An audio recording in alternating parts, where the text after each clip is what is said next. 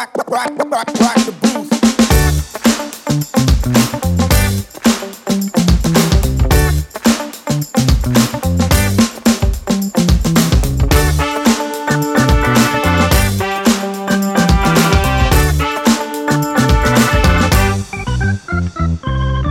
semuanya, jumpa lagi bersama aku Ayumi di DDTC Potex, Making Tax Fun for Everyone. Kali ini Ayumi akan mengobrol dengan Pak Hestu Yoga Saksama. Beliau merupakan Direktur Penyuluhan Pelayanan dan Hubungan Masyarakat atau P2 Humas Direktorat Jenderal Pajak. Nah, kira-kira Ayumi akan mengobrol apa ya dengan Pak Yoga? Penasaran kan? Yuk kita sambungkan bersama. Halo Pak Yoga, apa kabar Bapak? Halo, selamat pagi. Ayumi sehat. Gimana kabarnya? Iya, alhamdulillah sehat juga Pak. Semoga kita juga selalu sehat ya Pak ya dan semangat untuk menyongsong tahun 2021 ya dengan penuh optimisme begitu ya Pak. Ya, amin, amin, amin, amin. Oke, baik. Nah, Pak, mumpung nih saya berkesempatan mengobrol dengan Pak Yoga sebelum ngobrol banyak mengenai isunya, boleh tanya ya Pak ya, saat ini DJP sedang sibuk mempersiapkan apa saja sih Pak? Ya, kalau di awal tahun tentunya kita konsolidasi melihat hasil yang kemarin, kita evaluasi dan kemudian eh, di bawah pimpinan Pak Dirjen kita berkonsolidasi membuat apa namanya mematangkan arah-arah strategi langkah-langkah yang akan diambil di tahun 2021 ini. Tentunya eh, kita melihat adanya eh, target penerimaan dan bagaimana kita akan mencapainya strategi-strategi apa yang akan kita lakukan di tahun 2021 ini seperti itu Mbak Oke. Ayumi Ya, jadi Ya. kalau awal tahun biasanya memang kesibukannya eh, cukup banyak gitu ya Pak ya dan pastinya kita semua menunggu nih Pak strategi dan terobosan yang akan dikeluarkan oleh DJP begitu. Baik Pak Yoga, ini kan kali ini kita akan banyak berdiskusi seputar isu perpajakan yang sedang hangat dibicarakan ya. Salah satunya adalah Undang-Undang Bea Materai. Nah, telah kita ketahui Oke. bersama ya Pak ya pada 26 Oktober lalu di, eh, di tahun 2020 eh, Presiden Joko Widodo telah mengesahkan eh, sebuah undang-undang eh, nomor 10 tahun 2020 tentang bea materai yang sekaligus juga mencabut undang-undang sebelumnya yakni Undang-Undang nomor 13 tahun 1985 betul ya Pak ya? Ya, sudah Betul, berarti betul, betul. sudah 35 tahun ya diterapkan ya. Nah itu dia makanya Oke, sudah baik. 20 35 tahun jadi memang Iya. ah, perkembangan-perkembangannya memang mengharuskan Oke. kita untuk melakukan perubahan Siap Pak. Nah dalam perkembangannya aturan tersebut juga menimbulkan berbagai respon eh, berbeda gitu ya di kalangan masyarakat. Berbeda-beda saya mak- maksud saya. Karena bea meterai ini kan juga sebenarnya merupakan hal yang esensial bagi eh, keseharian aktivitas perekonomian masyarakat Indonesia. Nah oleh karenanya kami di DTC Potex eh, berupaya untuk meminta penjelasan dan juga klarifikasi nih dari eh, pihak pemerintah khususnya DJP yang diharapkan dapat menghilangkan asimetri informasi ya Pak mengenai isu ini. Itu harapan kita bersama. Nah, sebelumnya saya mau tanya dulu Pak, apa sih Pak sebenarnya yang melatar belakangi dirumuskannya Undang-Undang Bea Materai dan juga apa saja urgensinya? Tadi Bapak sempat ini ya eh, kasih cuplikan sedikit begitu ya. Silahkan Pak Yoga. Ya, tadi sudah disampaikan oleh Mbak Ayumi, memang 35 tahun tidak pernah berubah. Nah, tentunya ya itu latar belakang utamanya. Nah, perkembangan perekonomian, kehidupan masyarakat ini dalam 35 tahun kan berubah sedemikian besarnya. Sehingga kita harus melakukan perubahan terhadap uh, ketentuan terkait bea materai ini, baik dari sisi misalnya jenis dokumennya, kemudian tarifnya, kemudian bagaimana cara pelunasannya, banyaklah. Jadi memang kita uh, sesuai dengan perkembangan kehidupan masyarakat, sosial, perekonomian, ya kita melakukan penyesuaian. Salah satunya misalnya eh, dalam beberapa puluh tahun terakhir kan memang mengenai apa namanya dokumen. Kalau di Undang-Undang 13 tahun 85 kita itu hanya mengenal dokumen kertas atau manual. Nah, sekarang kan dokumennya sudah banyak yang menggunakan dokumen elektronik atau e-dokumen atau digital. Nah, oleh karena itu ya mengikuti perkembangan tersebut ya objek bea materainya kita perluas dari sisi itu bahwa bukan hanya dokumen kertas Ya. tetapi juga dokumen elektronik yang harus kita kenakan materai supaya ada fairness keadilan di situ. Itu salah Oke. satunya saja. Jadi dari sisi objek itu salah satu perubahannya adalah adanya penambahan eh, ini ya Pak ya dokumen yaitu Ya. salah satunya dokumen elektronik begitu ya. Nah, selain Hmm. eh, objeknya Pak, ada perubahan krusial apa lagi Pak di Undang-Undang Biaya Materai ini? Ya, perubahan krusialnya adalah masalah tarif. Nah, kalau Oke. kita lihat tarif yang berlaku tahun sampai dengan tahun 2020 kemarin itu kan 3.000 dan 6.000. Tarif itu Betul. adalah tarif tertinggi menurut Undang-Undang 13 yang tahun 85 itu eh, yang sudah berlaku sejak tahun 2000.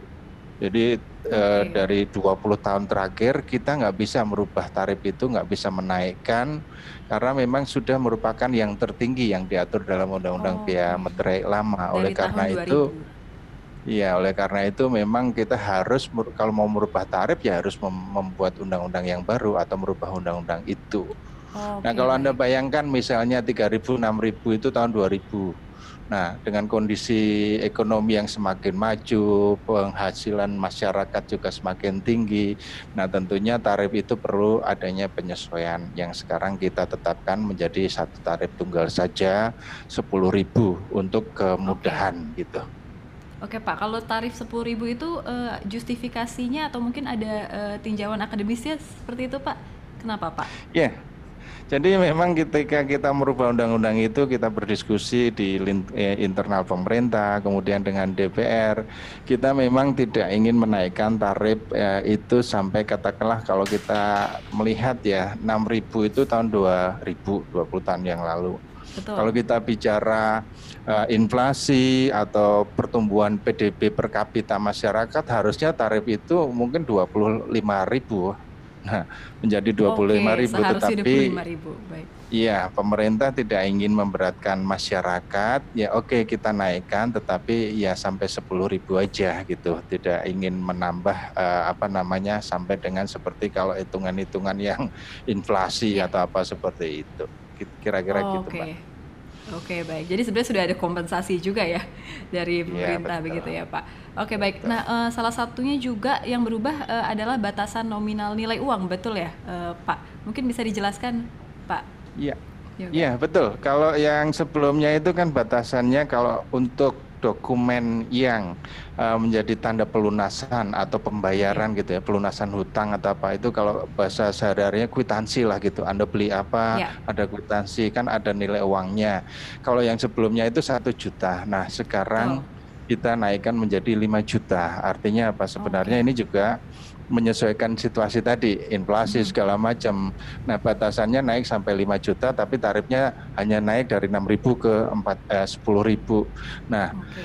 5 juta itu sendiri, nah tentunya karena ingin kita ingin ada keberpihakan kepada masyarakat kecil atau UMKM. Jadi Ya. nanti memang dengan yang batasan 5 juta ini dokumen-dokumen yang selama ini terutang be- eh, biaya materai Ya. Sekarang malah menjadi nggak terutang. Kalau anda bicara Oke. misalnya tagihan listrik, tagihan telepon, ya mungkin ada juga yang tagihannya di atas 5 juta Ya. tetapi kebanyakan masyarakat tidak eh, lebih dari 5 juta. Jadi justru itu nanti akan semakin eh, apa berkurang transaksi-transaksinya Oke. UMKM.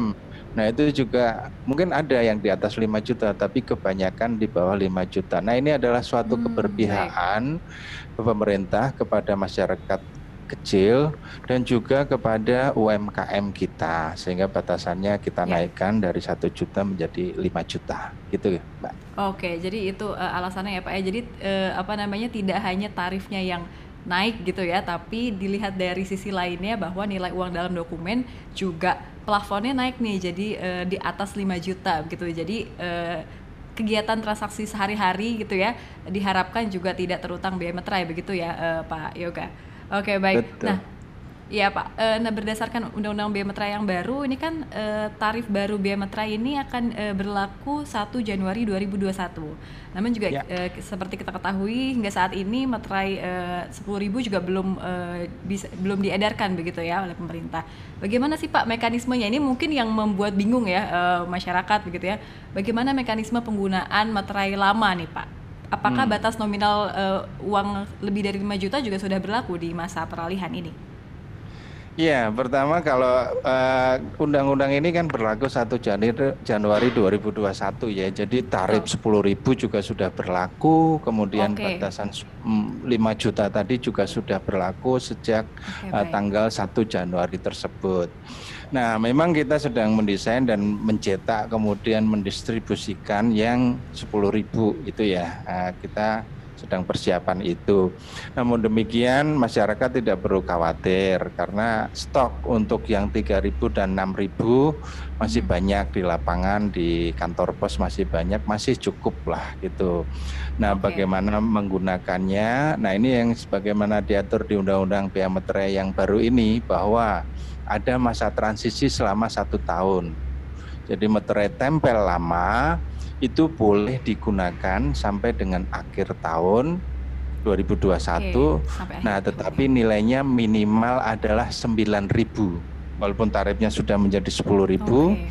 tapi boleh minimal 9.000 atau lebih juga boleh namanya minimal ya.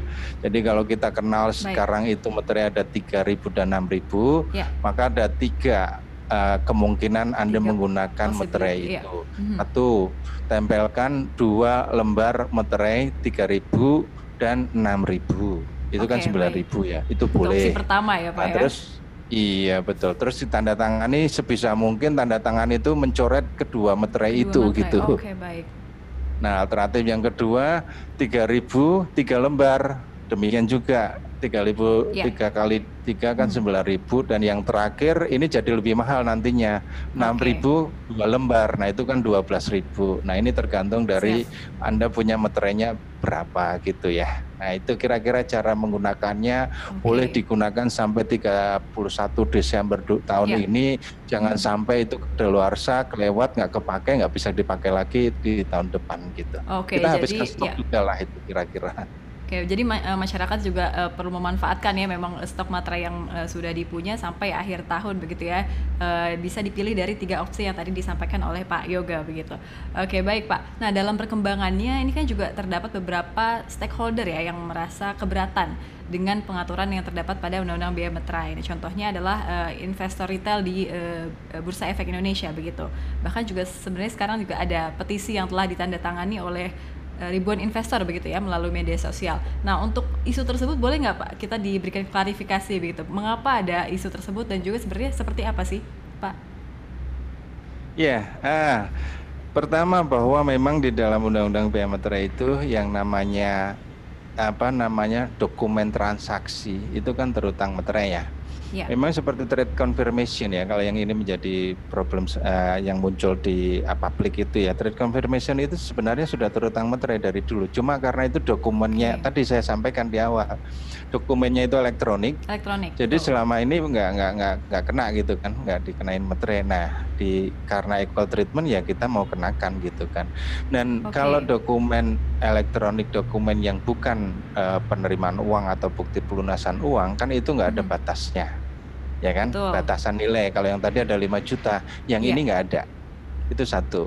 Nah, okay. nah tetapi kita juga ada uh, pasal di Undang-Undang Meterai itu bahwa kita bisa memberikan fasilitas pembebasan meterai yang salah oh. satu tujuannya adalah mendukung program pemerintah atau otoritas moneter dalam rangka hmm, pendalaman baik pasar keuangan. Nah, ini yang sedang kita formulasikan. Jadi nanti kalau dokumen transaksi surat berharga atau yang spesifik tadi trade confirmation, nanti ada batasan kewajaran nilai lah. Jadi yang selama ini memang uh, apa ya agak apa ya mungkin kita memang belum menjelaskan dan memang belum menetapkan gitu ya batasannya jadi seolah-olah kalau bicara bahwa beli satu lot saja dapat yeah. trade confirmation satu lot itu per lembarnya 75 berarti kan 75 ribu gitu ya mm -hmm. terus kalau meter 10 ribu jadi habis atau 7.500 jadi habis yeah. gitu nah nggak kita nggak akan sampai ke sana oh, gitu okay. nanti pasti akan ada nah ini yang sedang sedang kita formulasikan kita mendukung uh, program yeah. pendalaman pasar keuangan cuma nanti sampai batas berapa nah kita tunggu saja Kira-kira okay. seperti itu, Mbak. Oke, okay, baik Pak. Berarti nanti akan diaturnya di uh, peraturan apa, Pak? Itu peraturan pemerintah karena yang Peraturan namanya pemerintah ya? apa uh, fasilitas di dalam undang-undang biaya materai itu nanti ditetapkan dengan Ditetapkan peraturan oleh pemerintah. Ya memang Oke, kita baik. butuh waktu untuk menyusun itu. Ya, yang sekarang sedang digodok gitu ya. Tapi eh, sebenarnya memang sudah eh, berupa ya sebelumnya eh, di undang-undang sebelumnya itu tidak ada eh, ini ya klausul fasilitas begitu ya Pak ya. Di yang eh, sekarang itu ada eh, klausul fasilitas biaya materai begitu. Pak Ya, Yoga? di undang-undang yang sekarang memang karena kita melihat ya apa memang dibutuhkan adanya suatu fasilitas eh, materai selain yang tadi Ya. untuk eh, moneter juga ada misalnya seperti sebenarnya kita pernah juga memberikan seperti ketika terjadi bencana di Aceh, gempa Oke, bumi, baik. tsunami itu kan sertifikat hilang semua tuh. Nah, kita juga Oh, baik. membebaskan sertifikat eh, ah biaya materai atas pe- pembuatan sertifikat-sertifikat itu. Nah ini di dalam undang-undang kita juga kita buka ruang-ruang seperti itu walaupun kita nggak berharap ada bencana alam lagi gitu. Kira-kira seperti itu. Oke, baik Pak Yoga. Nah, dalam eh, undang-undang ini juga dinyatakan bahwa Menterai akan dikenakan eh, untuk dokumen elektronik seperti yang tadi eh, disampaikan oleh eh, Pak Yoga begitu ya. Nah, bagaimana Pak kira-kira persiapan pemerintah untuk eh, mempersiapkan penerapan Menterai elektronik sejauh ini eh, bagaimana Pak? Ya, materai elektronik ini kan kayak ini tentunya nanti kaitannya dengan dokumen yang sifatnya elektronik ya dan nanti kita akan menunjuk pihak-pihak tertentu untuk memungut biaya materai. Jadi mekanismenya seperti PPN ya, pajak tidak langsung itu ya. Tapi Betul. kalau ini kan nggak ada PKPM ya. Pokoknya eh, pihak tertentu ditunjuk untuk memungut biaya materai 10.000 atas dokumen yang dia terbitkan misalnya seperti itu. Nah, ini yang sedang kita siapkan peraturan maupun infrastrukturnya. Kalau kita bicara infrastruktur itu seperti aplikasinya, sistemnya, mungkin nanti perlu hardware-nya, alatnya. Nah, ini yang sedang kita siapkan. Nah, mudah-mudahan dalam waktu yang tidak terlalu lama sudah Ya. bisa kita segera Oh, terbitkan oke. gitu. Berarti boleh Kira-kira. tahu Pak berapa persen persiapannya? Apanya? Ditunggu saja Mbak kalau itu Mbak. baik. Mudah-mudahan segera Ya. aja. Mudah-mudahan segera segera begitu ya Pak ya. Nah, eh, Ya. ketika masa peralihan ini eh, kalau tidak salah eh, ada mekanisme penggunaan surat setoran pajak ya Pak ya atau SSP sebagai pengganti materai elektronik. Begitu Pak. Ya, Mungkin bisa nah dijelaskan ini Pak nanti Yoga? eh, kita juga sedang menyusun kalau di undang-undang ini kan nanti ada beberapa peraturan pelaksanaan ya PP-nya, PMK. Nah ini yang baik. sedang kita eh, sedang sedang kita coba percepat eh, sehingga seperti yang tadi meter yang baru itu kan ya kan nanti ada PMK, ada KMK-nya. Nah ini yang sedang kita eh, proses. Mudah-mudahan dalam waktu yang tidak terlalu lama bisa segera kita keluarkan semuanya, walaupun mungkin satu persatu semacam itu. Ini dalam proses semua, Mbak, termasuk jadi yang tadi disampaikan tadi. Ya. Jadi semuanya paralel ya Pak ya untuk eh, mencetak materai baru, Iya. lalu juga mempersiapkan aplikasi untuk materai elektronik dan sebagainya begitu. Oke baik Pak. Nah terakhir nih Pak Hmm. Yoga, Undang-Undang Biaya Materai ini kan diharapkan menjadi eh, media gotong royong eh, masyarakat dalam membiayai pembangunan, apalagi dalam eh, fase pemulihan ekonomi saat ini begitu Pak. Sebesar, eh, seberapa besar sih Pak sebenarnya potensi peningkatan penerimaan negara apabila Undang-Undang Biaya Materai ini dapat diimplementasikan secara optimal? Ya, memang eh, itu yang mungkin juga sudah tercermin di dalam APBN R, eh, dalam APBN tahun 2021. Jadi memang Oke. penerimaan dari pajak tidak langsung eh, tid- eh pajak lain gitu ya di dalam APBN kita juga kita sudah memperhitungkan adanya peningkatan penerimaan dari biaya materai. Nah, kalau kita bicara penerimaan biaya materai tahun 2020 kemarin 2019 itu sekitar di angka 6 triliunan lah gitu kan. Nah ini kan ada kenaikan tarif, tapi ada juga kenaikan threshold yang jadi 5 juta tadi. Nah memang ada positif negatifnya, plus lagi nanti ada yang dokumen elektronik. Jadi kalau kita mencoba menghitung, walaupun nanti kita masih lihat ya hasilnya seperti apa, memang kita uh, perkirakan ada tambahan penerimaan sekitar 4 atau 5 triliun dibandingkan uh, Oke. penerimaan yang tahun-tahun sebelumnya. Kira-kira seperti itu, Mbak. Jadi Oh, memang ini unsur kegotong royongan masyarakat uh, kita tetap berusaha meningkatkan penerimaan pajak uang pajak sangat sangat diperlukan terutama sekarang kita beli vaksin pun mahal sekali banyak maksud saya untuk Baik. seluruh masyarakat nah memang kita membutuhkan uh, penerimaan pajak dan kita harapkan masyarakat wajib pajak itu benar-benar patuh kita mau membantu negara kita sendiri ya. kita mau menyelamatkan negara kita menyelamatkan ekonomi kita ya siapa yang menyelamatkan ya masyarakat melalui pajak tadi yang dibayar semuanya oleh masyarakat. Demikian, Mbak. Oke baik, wah itu pertanyaan terakhir tuh jadi closing statement juga yang sangat uh, apik gitu ya oleh Pak uh, Yoga dan juga sangat mencerahkan yeah. kita semua Pak untuk uh, isu ini. Terima kasih banyak sekali lagi Pak Yoga atas uh, waktunya. Semoga kita dapat bertemu kembali di lain waktu ya Pak ya. Ya selamat beraktivitas kembali Amin. Pak Yoga. Nah, gimana nih teman-teman? Semoga mencerahkan kita semua ya mengenai Undang-Undang Bea Meterai. Nah, jangan lupa juga untuk mengikuti kuis episode kali ini pastinya dengan hadiah yang menarik dengan cara klik link yang ada di deskripsi bawah. Untuk mengetahui info terupdate dan teraktual seputar perpajakan, jangan lupa untuk melihat di DDTC News dan juga sosial media DDTC lainnya. Nah, DDTC juga punya terobosan baru nih, yaitu perpajakan.id, sebuah aplikasi pencarian dokumen pajak dan pusat pengetahuan perpajakan yang berbasis web dan sangat mudah diakses. Jadi langsung aja ya, klik perpajakan.id. Tetap patuhi protokol kesehatan seperti halnya rajin cuci tangan, jaga jarak, dan menggunakan masker yang aman. Ayumi pamit, ciao!